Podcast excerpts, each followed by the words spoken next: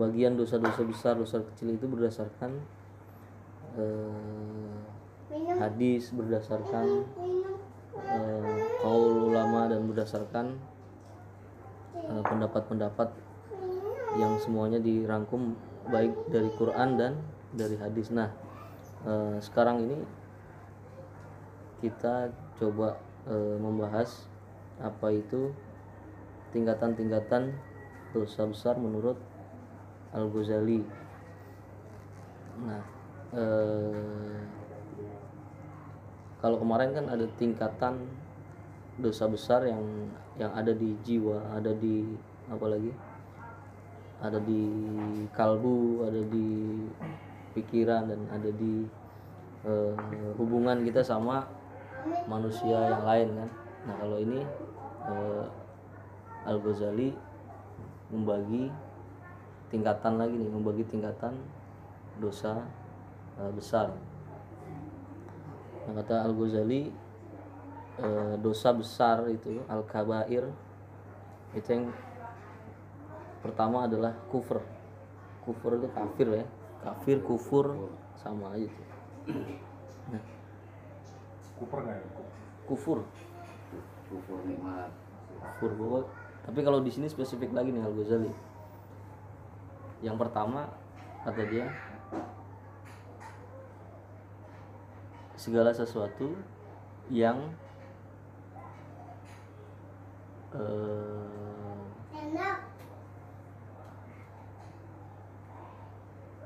jadi segala sesuatu yang menghalangi eh, diri kita mengenal Allah dan mengenal Rasul. Nah itu disebut kufur katanya ma yamna'u min ma'rifatillahi ta'ala wa ma'rifati rasul rusuli. Itu disebut kufur. Jadi eh, ini Al Ghazali ya. Kalau dikembalikan ke ke asal ke asal kata kufur itu sebenarnya kafaro itu. Ini umum ya arti umumnya. Kafaro itu sebenarnya ter, tertutupi. Jadi segala macam kalau dari katanya dari kata ya kufur itu adalah tertutupi makanya kalau di di Al-Quran itu banyak kata kufur itu dia maknanya beda-beda. Hijab. Ya pokoknya segala sesuatu yang tertutupi lah. Itu disebut kufur. Kufur. Kalau di ada satu surat misalkan la in syakartum la azidanakum wa la in kafartum nah itu kan kufur lagi. Kufur nikmat namanya. Artinya dia itu tertutupi dengan nggak nggak nggak paham nggak sadar nggak bersyukur atas nikmat-nikmat itu. Itu namanya kufur nikmat. Lawannya kufur nikmat itu? Syukur syukur nikmat. Gitu. Jadi ingkar. Nah ingkar sebenarnya juga dia masih satu makna tuh dengan kufur kan. Dia mengingkari. Dia tertutupi.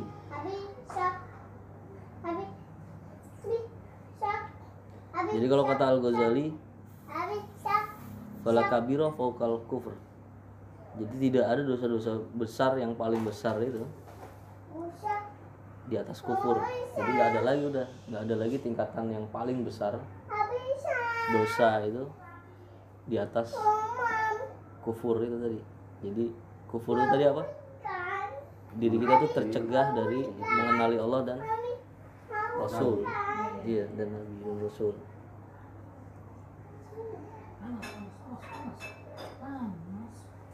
Jadi kata Al Ghazali lagi,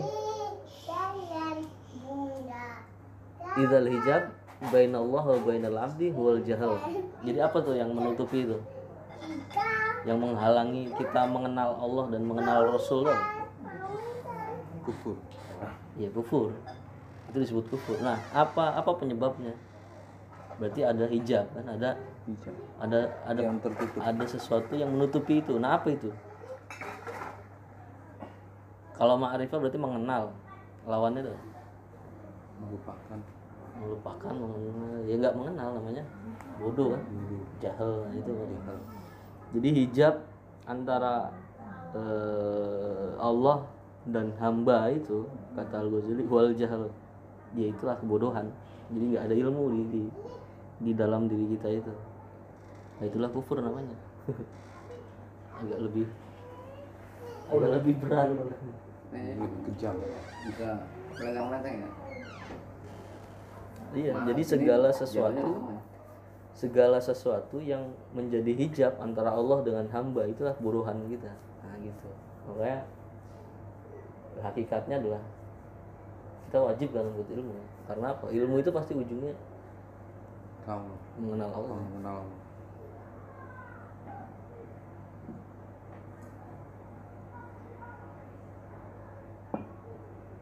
dan wasilahnya apa wasilah itu eh, penghubung. Kalau tadi kan yang menutup ada hijab ada penghubung kan? Gitu.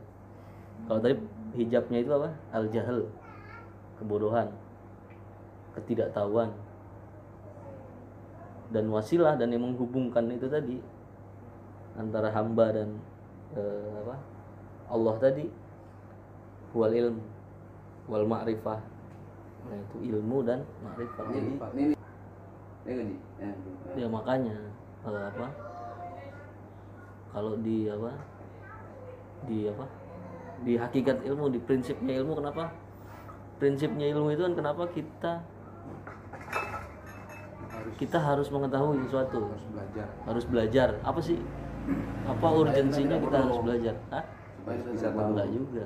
Harus bisa karena itu sesuatu yang hakiki dari manusia. Oh. Kalau kita nggak tahu ya cari tahu itu kan udah ada, berarti ada sesuatu yang hilang di kita kan? Berarti kan harus kita cari kan gitu. kalau Iya. kita ngerasa baik-baik aja nah, itu kan berarti ada ada sesuatu kan di diri kita. Merasa diri kita bisa. Ah itu berarti ingin tahuan kita kan gitu. Ya ilmu kan dari keinginan tahuan itu. Keinginan tahu akhirnya kita cari tahu kita dapat sesuatu kan pengetahuan apa pun itu. Itu biasanya kalau orang yang pengen tahu nggak kepengen tahu itu kan sombong. Iya sombong lah apa macam-macam. Tapi yang jelas dia tertutupi gitu. dari pengetahuan itu sendiri. Kalau orang nggak tahu ya cari tahu. Tiba-tiba karena kan banyak kalau kata Al-Ghazali di, di, di buku yang lain di kitab yang lain itulah kenapa kita harus jadi orang awam. Jadi orang awam yang baik kata Al-Ghazali kan Iya. Kenapa kita harus jadi orang awam? Ya karena itu awam yang baik itu susah. Kadang-kadang kita ada satu apa kita langsung komentar itu brand, ya kan? Ada sesuatu yang baru baru terus kita belum tahu, kita langsung komentar saat. nah, itu kan persoalan. Dia harus dia dia lari dari dari apa dari hakikat manusia, manusia tadi yang pengen cari tahu. Kan harusnya cari tahu dulu baru dia komentar kan gitu. iya. Ini apa sih? Ini apa sih? Ini apa sih? Ya baru setelah udah dapat baru. Zamannya sekarang di share share aja sih. Iya Iya. share share komentar ya itu lah. Itu. Zaman begitu makanya banyak orang yang nggak beringat Tadi aja dibaca itu? Seks boleh kan, padahal bukan begitu isinya. ya itu tadi dia nggak cari tahu ini apa sih ini Iya. maksud Mungkin dalilnya, ini mungkin dalilnya samina wa ata'na mungkin. Ketika gurunya ngomong ya udah gitu. menelan mentah-mentah oh bisa Mungkin dalilnya dia bisa ngomong begitu karena samina wa ata'na. ya macam-macam lah motivasinya macam-macam seribu satu motivasi Samina wa asoina. Yang enak-enak diikutin. iya nyambung bahasa itu ngomong gua kalau begitu. Ilmunya belum sampai. Jadi kalau kata Ghazali yang namanya apa eh, kebodohan itu sama dengan kufron. Jadi iya kufur sama. Karena dia tertutupi. Kalau kalau bodoh itu tertutupi dari ilmu. Kalau iya sama. Secara makna ya. Ini secara makna makna kata gitu. Karena kata kufur itu tertutupi maka kalau jahil juga bisa juga tertutupi dari ilmu kan gitu. kalau hijab? Hijab itu yang menutupi sesuatu yang menutupi yang menutupi. barangnya hmm, jam tuh beda lagi. Tertutupi sama menutupi. Enggak kan biasanya orang kan lebih lebih lebih lebih apa mengenalnya itu hijab, Hijab. itu penutup Nah. kalau penutup kan ada Bang? hijab ya entah itu kemalasan itu termasuk hijab mungkin ya bisa macam-macam penutup spesifikasinya menutup penutup menutupi kan beda semua mana iya kalau hijab tuh penutup lah selesai kan? Takutnya kan amin itu tutup takut bahasanya kan ya, hijab itu beda.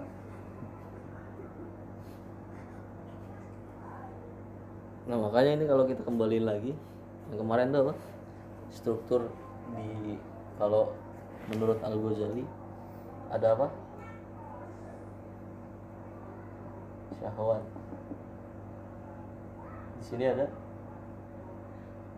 akal kan? Ini jadinya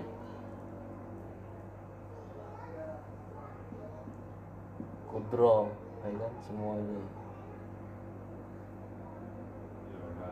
di sini kalau dia punya udah punya apa potensi baru dia jadinya di roda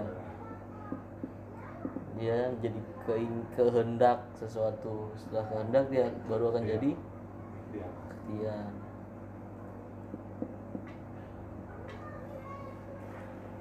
nah ini jadi apa? Perbuatan. Ini pilihan. Ini kita apa menetapkan sebuah pilihan.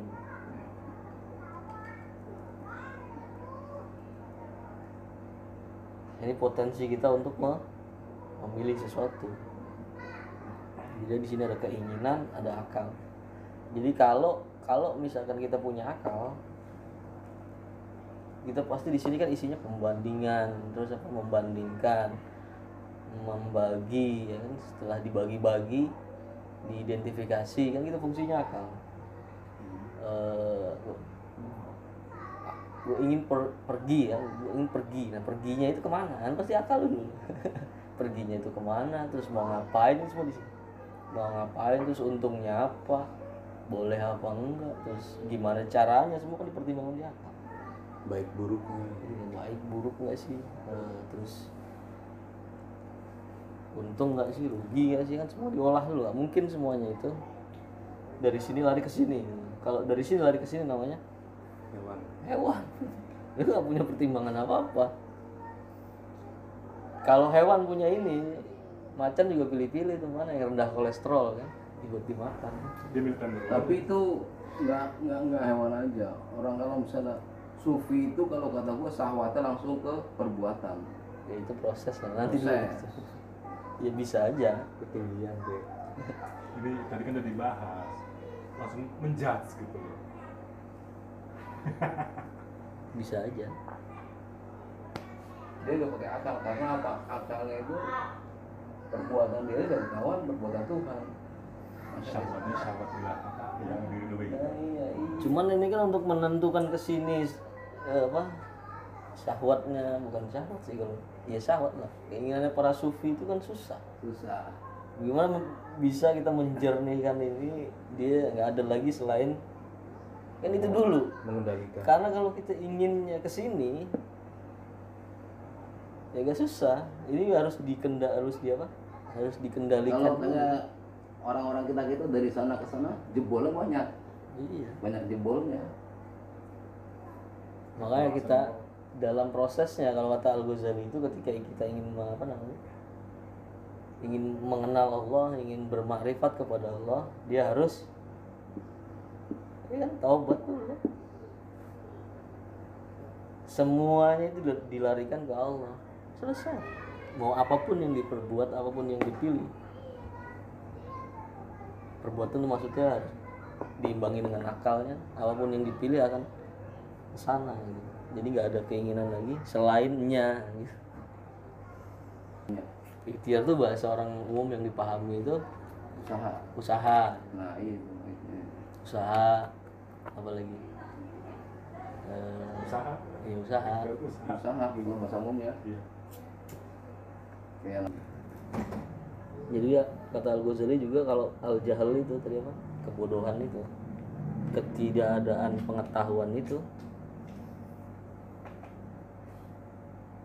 dia putus dari rahmat Allah.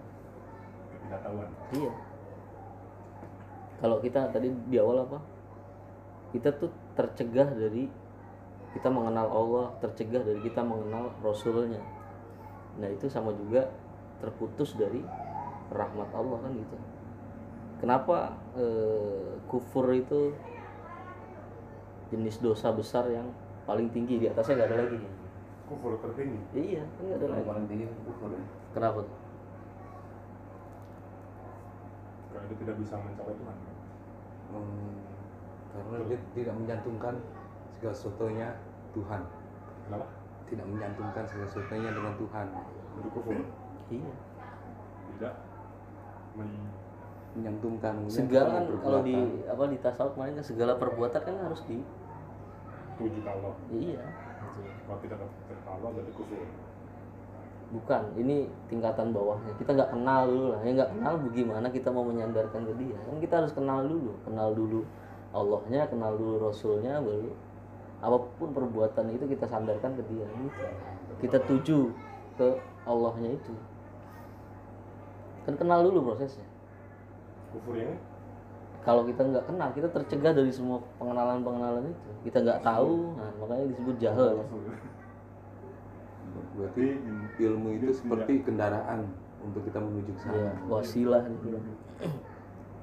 Nah, sekarang orang-orang kayak orang-orang orang-orang kayak kita kita nih, eh, eh, nih, nih, nih, boleh nggak? Boleh nanya nggak? nanya nggak? Nanya aja. Sedangkan kita nggak tahu, kita mengenal Tuhan, kita mau ke Tuhan di sana. Tentu kita di di jas musyrik gitu, sirik, menduakan Tuhan gitu. Sedangkan kita yang aja belum mau kenal, kan gitu banyak orang.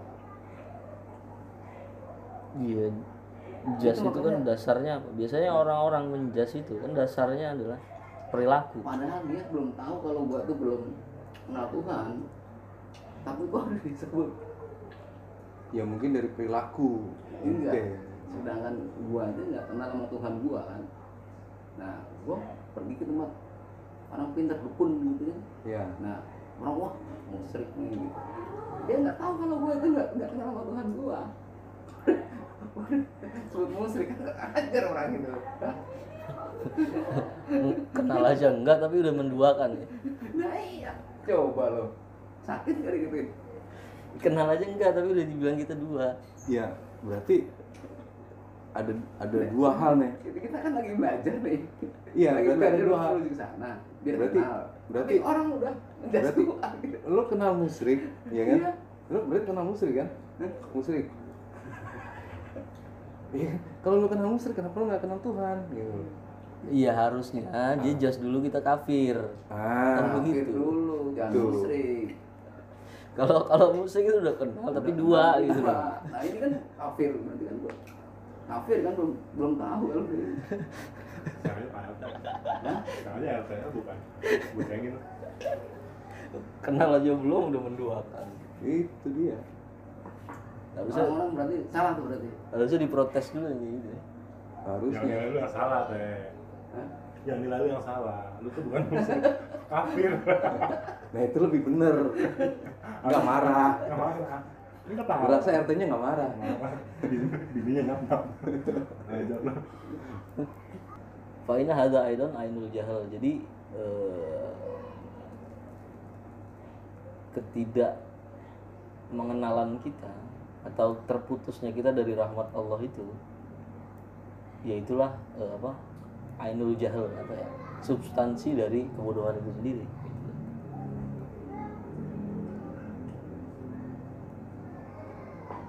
faman arafallahu lam yatasawwaru ayakuna aminan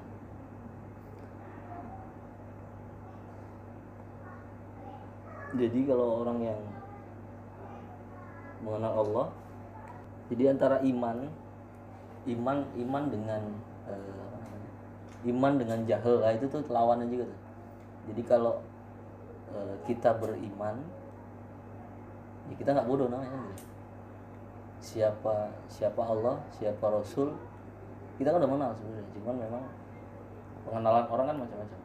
Ada yang mendalam ada yang enggak. ada yang tergantung kualitas pengenalannya kan. Nah. Ada yang dikenalin. iya macam-macam caranya. Ada yang dikenalin ada yang mengenal langsung ada yang melalui apa ada yang ya macam-macam. Jadi makrifat makrifat tadi mengenal Allah tadi itu mengenal Allah itu tadi ah, itu. Bak dua asyadu bak mimba jadi menguatkan tadi itu. Eh, apa? Eh, ada yang lewat ini ada yang lewat itu ada yang lewat anu. Jadi s- antara satu pengenalan kita dengan mengenal yang lain itu saling saling menguatkan katanya. Saling berkaitan. Iya. Jadi berkaitan dengan zat Allah, sifat Allah dan afal Allah. Eh, apa? Zatnya Allah, sifat-sifatnya, afal-afalnya dan perbuatan-perbuatan apa? eh, afal-afalnya Allah. Jadi kalau Allah itu punya sifat itu kan pasti. Misalkan eh, sifatnya apa? wujud Ya itu misalkan kalau kasih sayang kasih sayang, wujud, dan macam-macam. Bismillahirrahmanirrahim ada sifat tuh. Bismillahirrahmanirrahim. Ar-Rahman, Ar-Rahim itu kan sifat. Nah sifat itu kan eh, yang namanya sifat pasti dia terpancar kan, terpancar dari si dari perbuatan perbuatan gitu. Kalau kita kalau kita punya sifat eh, Rahman misalkan atau kita punya sifat Rohim misalkan itu kan terpancar dari Tuhan tadi Iya dari dari dari perbuatan dari perilaku kita gitu. Kalau dia nggak kalau dia eh, nggak punya sifat itu kan nggak akan terpancar dari perilaku sehari-hari kan. tapi kan segala sesuatu ilmu yang kita dapatkan eh umumnya mengenai agama yang kita pelajarin itu kan harusnya diterapkan gitu. Iya iya. diterapkan kalau nggak diterapkan itu kan sama aja ya Ada. Ya itu kan salah satu apa namanya? Salah satu cara kan, salah satu cara kayak misalkan eh, kita mengenal Allah lewat ya, hukum-hukumnya kan bisa. Iya. Hukum-hukumnya itu ada di Al-Quran, ada di hadis, nah, itu bisa. Itu kan salah satu cara. masuk Atau kita melalui ya eh, menjalankan spiritual ritualnya macam-macam. Iya, Caranya itu. kan kita juga harus diterapkan di kehidupan kita gitu. Ya iya, itu salah satu bentuk nah bentuk pengenalan. kalau udah bisa kita terapkan kan kita jadi manusia bijak Ya macam-macam orang spiritualis misalkan eh, cara mengenal Tuhannya kan beda. Orang fikih dasarnya cara mengenal Tuhan kan beda. Orang Kalau apa lagi? sufi kan dia biasanya uh, uzlah ya Iya. ada yang uzlah dari dunia gemerlap pindah tapi Ya itu kan cara aja kan, salah satu cara. Gimana orang cara beda-beda. Ada yang eh, dia mendekati dengan syariat. Ini ada. Ya, kalau Al-Ghazali. kalau kalau dengan kalau kalau dia spiritual kalau macam-macam. kalau dia menggunakan kalimat-kalimat itu ya kan nah eh, mungkin si pembuat kalimat itu atau si pengucap itu dia hanya menginginkan jangan semuanya itu tergantung di dia gitu loh. maksudnya ambil yang baiknya aja gitu, gitu. Makanya kalau yang disebut apa? Ini lagi trennya apa hijrah ya. kan?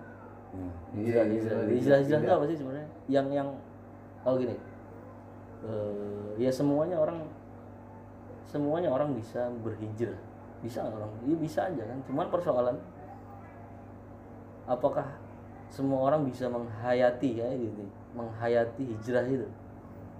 Karena punya ilmu, kalau ya. hijrah kalau ya, kalau hijrah cuma di misalkan eh, perbuatan dia eh, Nggak nggak akan sepenuhnya. Nggak ada nilainya. ada sepenuhnya. Nah kalau kata gua dalam kita seperti ini itu ini kita perjalanan hijrah ini kalau kata gua sih. Belum kayak gini. Ya, iya. kalau gua dulu pernah di pernah belajar dulu waktu gua SMA proses hijrah itu seperti ini. Iya, hijrah itu kan persoalannya kan ada dua. Di di manusia itu kan ada ada ada raganya ada spiritualnya kan. Apa yang berhubungan dengan ini? Maksudnya spiritual tuh ya ini. Kalau misalkan cuman ini tapi dia di sini nggak paham tentang menghayati hijrah itu terus misalkan ilmu hijrah lah ilmunya Nah, jiwa jadi dari dalam dari spiritualnya dari spiritnya dari jiwanya ya nggak akan sempurna hijrahnya gitu. Dia bisa aja cuma ikut ikutan tren gitu. atau dia ikut ikutan apa gitu. yang terpenting kan di sini sebenarnya sedangkan kayak orang-orang banyak kan yang definisi hijrah jadi belum begitu hijrah itu apa sih paling pindah gitu nah, tapi kalau dia masih umum Nah, Iya. iya. Hijrah itu berpindah kalau kata guru pernah bilang, berpindah dari tempat yang buruk ke tempat yang baik. Itu hijrah. Baik jasmani maupun rohani. Gue pernah belajar begitu dulu. Tapi SMA dulu. jasmani bisa tapi rohani siapa yang mengukur hijrahnya rohani Hijrah. siapa yang Hi- Hijrah itu seperti itu. iya kalau jasmani oke orang semua bisa dari yang nggak sholat tadinya ke sholat bisa kan? Cuman bagaimana siapa yang mengukur kualitas sholat dia? Kualitas perbuatan dia. Nggak nggak nggak akan bisa. Agak susah. Kalau misalkan kalau misalkan dia sholat tapi masih apa memandang buruk orang yang nggak sholat kan sama. Atau memandang yang lain selain dirinya yang nggak hijrah itu. Suatu keburukan kan berarti Tetap kan berarti pikiran- spiritualnya spiritualnya belum hijrah sebenarnya. Masih ada akunya di situ. Iya. Ini loh aku Cing, kan gitu. Pokoknya paling paling paling hijrah. Nah, itulah aku Cing. paling hijrah. Kalau dia udah suka Berarti kalau ini dia udah tawadu yang penting ya. kalau dia udah benar-benar mencintai Allah akunya itu biasanya udah tipis. Semuanya karena Allah ini boleh nggak nih ya? Allah suka nggak ya? Makanya nggak usah sholat. Apa pun perbuatannya kalau misalkan eh, perbuatan baik misalkan apa yang yang kalau masih dia menggantungkan ke, perbu- ke, ke selain Allah ya belum hijrah lah. Apa pun. Yang hijrah itu kan ketika kita menggantungkan perbuatan baik kita ke Allah kalau selain Allah ya susah misalnya kita nolong nolong orang tapi berharap kembalian ini kan nggak bisa Enggak lillah berarti itu. ya nggak lillah itu loh. dia dia masih hitung hitungan Masih hitung-hitungan efeknya apa? Efeknya nanti. Kecewa. Kalau dia nolong orang lagi nanti belakangnya, kalau dia lagi kesusahan, nggak ada yang nolong gua, kemarin udah gua tolongin aja. Hmm.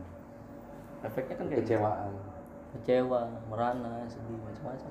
Emang itu udah emang udah udah, udah, udah, udah garisnya begitu. Cuman kalau dia menggantungkan sesuatu kepada Allah kan selesai. Mau dia lagi kesusahan ada orang yang nggak mau nolong atau nggak nolong, nggak ada persoalan.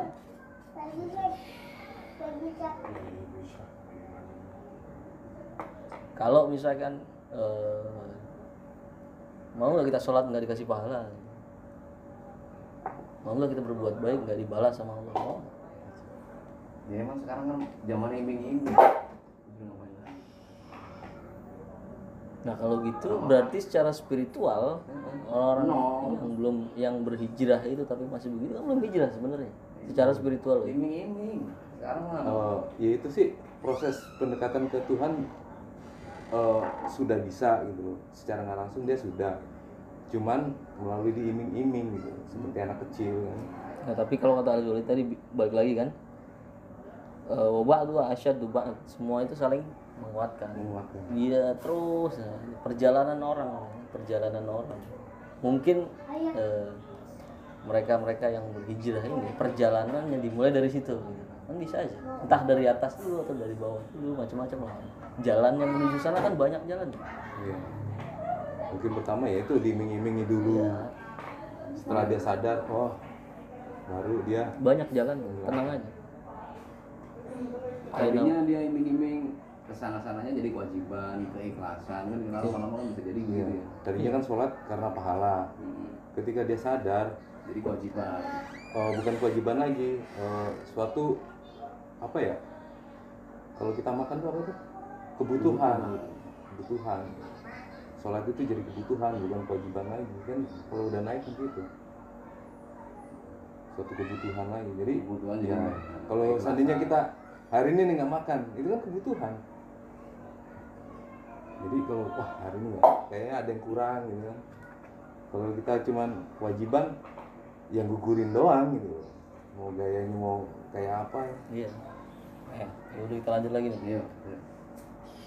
al murattabat atsaniyah al murattabat atsaniyah fil kabair jadi kalau tadi tingkatan apa dosa besar yang pertama itu kufur ya kufur itu kita tercegah dari eh, kita mengenal Allah dan kita tercegah dari kita mengenal Rasulnya.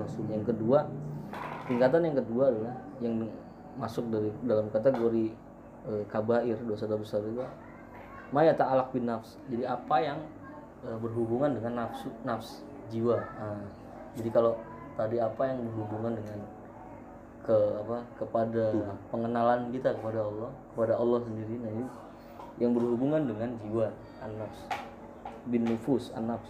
Eh, bahwasannya yang berhubungan dengan nyawa nyawa nyawa jiwa nyawa nyawa enak nyawa. Iya nyawa. Dengan nyawa nyawa kita nyawa orang nyawa macam-macam. Termasuk binatang tumbuhan iya. Jadi tadumul hayat di apa kelangsungan hidup. Jadi dia apa kategorinya? Mem- membunuh nah itu kan bisa tuh. Usaha besar waktu itu Mm-mm.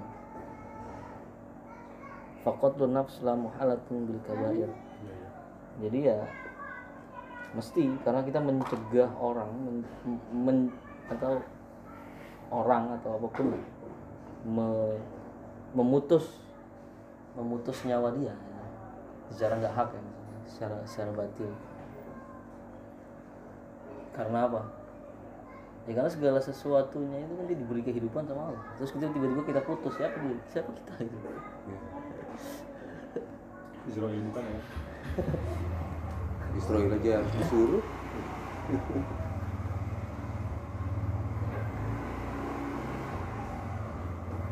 Besar besar besar di bawahnya yang tadi itu kufur kufur jadi kenapa eh, kenapa itu tuh masuk di di apa di dosa besar karena ada kata Al Ghazali. Jadi kalau tadi apa?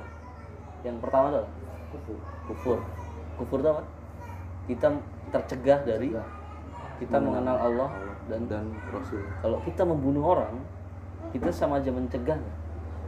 Mencegah. Mencegah potensi dia untuk mengenal Tuhan. Allah kan gitu turunannya turun dikit.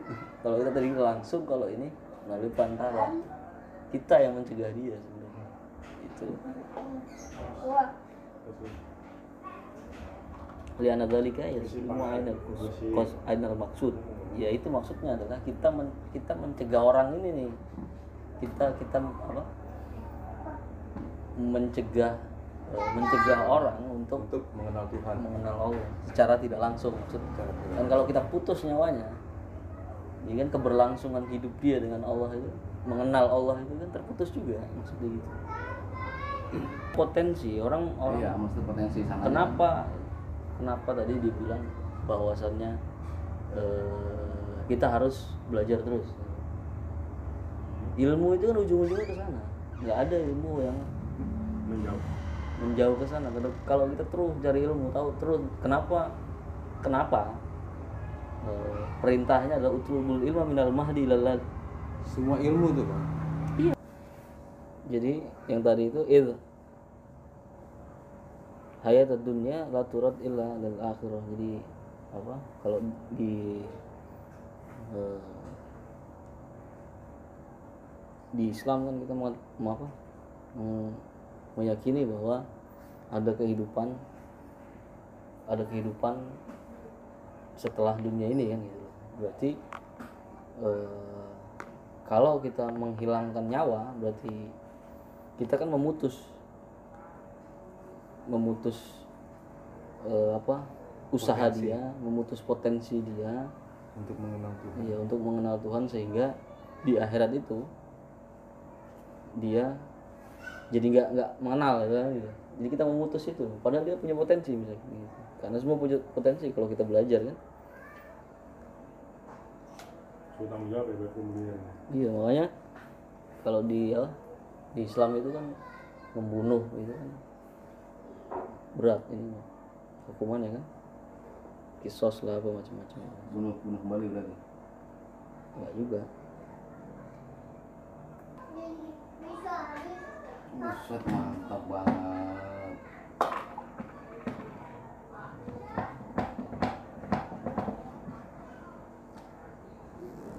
nah ini yang masuk lagi di kategori sebesar apa? Ya yang ketiga? Bukan yang ketiga. Namanya masih lanjutan. Ini turunannya turunan yang tadi. Ini turunan yang tadi. Azina wal liwat. Zina dan liwat. Liwat tuh sodomi. Bahasa Indonesia sodomi. Sodom. Pokok apa? Melakukan berhubungan lewat dubur. liwat namanya. Dubur anus ya? Anus. Wa yakofi hadid eh, itu kita berzina sama berhubungan lewat anus itu sama berarti ya? Sama. Ah, ininya dosanya iya tadi masih meng- masuk di kategori apa? Dosa besar. Ya ta'alak bin nufus itu yang hubungannya dengan nyawa seseorang. Oh ya. Ya terus yang kedua berarti itu. Masih ini turunannya aja. Wa yakofi hadid tertib tertiba tahrimu zina wal liwat. Kenapa diharamkan zina dan liwat? Li annahu ijtama anas ala iktifai bi dzukur wa qada'i syahwat in qata'an nasal kenapa apa itu maksudnya? Orang- apa itu gitu. orang hidup itu hidup itu rahmat ya? Rahmat. Rahmat lah. Orang hidup kita diberi kehidupan itu kita diberi kehidupan itu kan bentuk kasih sayangnya Allah iya dong bentuk rahman dan rahimnya Allah. Bentuk rahman ar-rahim dan ar-rahman. Itu kan implementasi apa eh, representasi dari bentuk dari asmanya Allah. Bismillahirrahmanirrahim kan gitu. Dengan nama itu kemudian kan muncul sifat-sifat lah gitu. Kalau kita nggak mungkin kita nggak kenal sifat terus eh, kita nggak kenal nama terus nggak kenal sifat terus sifat itu nggak muncul dari sebuah nama kan nggak mungkin. Nah nyawa seseorang itu itu kan bentuk dari sifat-sifatnya dia salah satunya. Rahmannya dia rahimnya dia. Kenapa kita terpilih gitu loh, lahir di dunia ini Cak? rahmat. Iya. Jadi kenapa? Jadi kan, Kak- itu kan rahmat yang tadi dibilangin kan Allah menciptakan sesuatunya udah pas. Nah kalau kita Tidak. melenceng dari itu Pembuluh spermanya mungkin. kalau kita melenceng dari itu berarti kan kita tidak eh, apa ketetapan Allah. Yang gini maksudnya yang gue tanya bisa pikir ini karena efek apa-apa gitunya kan gitu. Mam, Ya, kan banyak dari kalau ketuhanan itu udah dosa. Dosa. Nah kenapa kedokteran? Itu menimbulkan penyakit. Dari sosial dia akan timbul namanya trauma. Nah, dari sisi agama. nah ini dari sisi Al Ghazali Al-Ghazali. Nah, nah, ya, silakan. Jadi istimewa anas ala aktifai bizukur fi qada syahwat in qata anas jadi eh, kalau tadi apa? Liwat. Homo itu. Itu kan sama aja memutus memutus garis keturunan kan gitu. Iya. Yang seharusnya yang seharusnya dia dia mel, me- apa, me- menyalurkan sesuatu saluran melanggeng, yang melanggengkan keturunan sebagai sebuah representasi dari rahmat Allah itu diputus kan sama dia. Hmm, emang bisa kalau dari dubur punya anak? Nggak laki nggak perempuan itu ya? Iya. Nah itu efeknya itu. Walaupun Dari perempuan tetap nggak bisa. iya ya itu kan tadi apa? Membunuh ya kan, membunuh. Itu kan sama aja memutus kan? Iya. ini eh, apa? Dulu. salah satu bentuk lah. Jadi bagaimana pertanyaannya Al Bisa Ghazali dibuang sekarang. bagaimana yatimun nizam ma ibahati zina? Jadi bagaimana mungkin kita mau melanggengkan keturunan kita dari kita berhubungan seks dengan Dulu. melalui dubur atau. Zina sesama tadi. jenis. Atau zina tadi. Tanpa nikah tadi tuh. tanpa pernikahan itu bagaimana mungkin? Memutus mm, apa bukan nyawa. Memutus nyawa. Dunal kita eh, tanpa melalui pembunuhan. Sama-sama memutus. Tapi intinya memutus ya. kalau tadi memutus. ya, melalui pembunuhan. Kalau ini kalau ini sebelum. Perang berarti di anahu laisa before tidawa wujud jadi karena eh, zina dan apa liwat tadi dia mem- memutus ke apa? Dawam runutan. Runutan. Runutan dari keberadaan manusia. nyawa manusia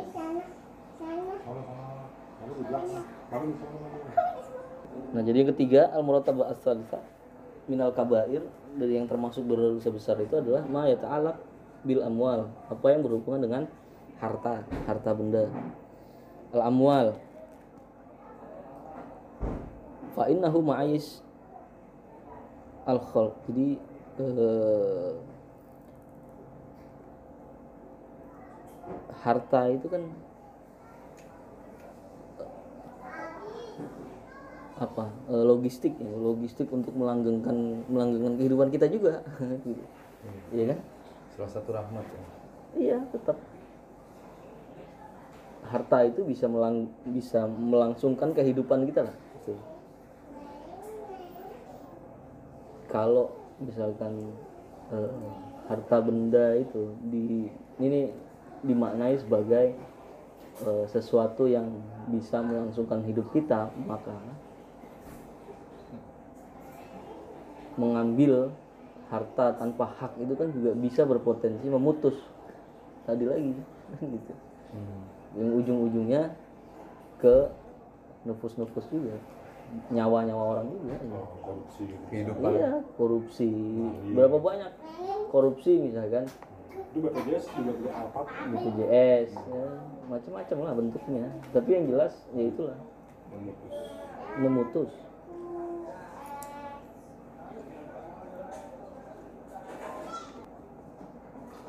jadi jadi jadi harta itu gimana gimana?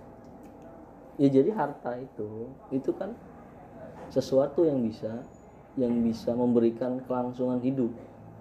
Kelangsungan hidup kita gitu kan? Nah eh, mengambil mencuri atau me- apa namanya? Merampok. Merampok tanpa hak korupsi segala macam. Itu kan sama juga memutus. mem- secara tidak langsung. Iya iya. Tidak langsung memutus langsung hidup alat mereka. yang dipakai untuk melangsungkan hidup. melangsungkan hidup kita ini gitu. Kalau korupsi misalkan kita korupsi. Duit rakyat. Duit rakyat. Kan rakyat mau begini jadi nggak bisa. Jadi nggak bisa. Atau misalkan kalau korupsi gara-gara gara-gara itu kan bisa menyebabkan misalkan di sebuah kelompok manusia mati kan bisa aja ya berarti intinya ya mati-mati juga. Mati-mati juga. Dia memutus nyawa-nyawa juga prosesnya lebih Pelan-pelan. agak jauh lagi. Iya turunannya kan itu tadi. Makanya disebutnya murotabah murotabah itu urutannya urutan bukan urutan apa? Tingkatan. Tingkatan. Tingkatan yang tadi paling atas itu kufur. Yang kedua itu ngilangin nyawa. Yang ketiga itu bisa, masih bisa juga disebut ngilangin dia nyawa. punya potensi untuk menghilangkan nyawa. Tapi dalam tingkatan yang paling agak bawah dikit. Iya. Ya. Ya, kalau kita dikorupsi duit rakyat harusnya rakyat dapat BPJS pengobatan gratis. Diambil. Diambil. nah dia untuk berobat sendiri BPJS-nya nol nilainya. Kan dari pihak rumah sakit menolak. Ya. Nah otomatis penyakitnya itu kan makin meradang meradang meradang. Membunuh pelan-pelan malah ya. Ah lebih parah. Lahir dan batin itu penyakitnya. Mudah-mudahan enggak tapi begitu karena karena di awal kita udah larikan ke sana ini bukan bukan fikih ya bukan fikih ini, ini pandangannya tasawuf gitu. Karena, kita pasti nanti akan keganggu dengan masalah-masalah fikih ini enggak ini ini tasawuf makanya agak lebih tinggi.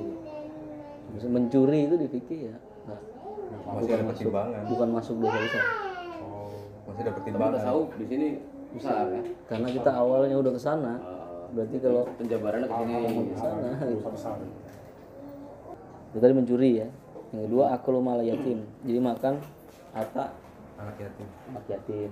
Kenapa? Wahada aidon min khofi jadi ini ya yang yang yang yang remeh temeh lah yang tadi kayak apa mencuri makan anak yatim itu masuk hal yang remeh temeh yang maksudnya banyak orang nggak sadar gitu.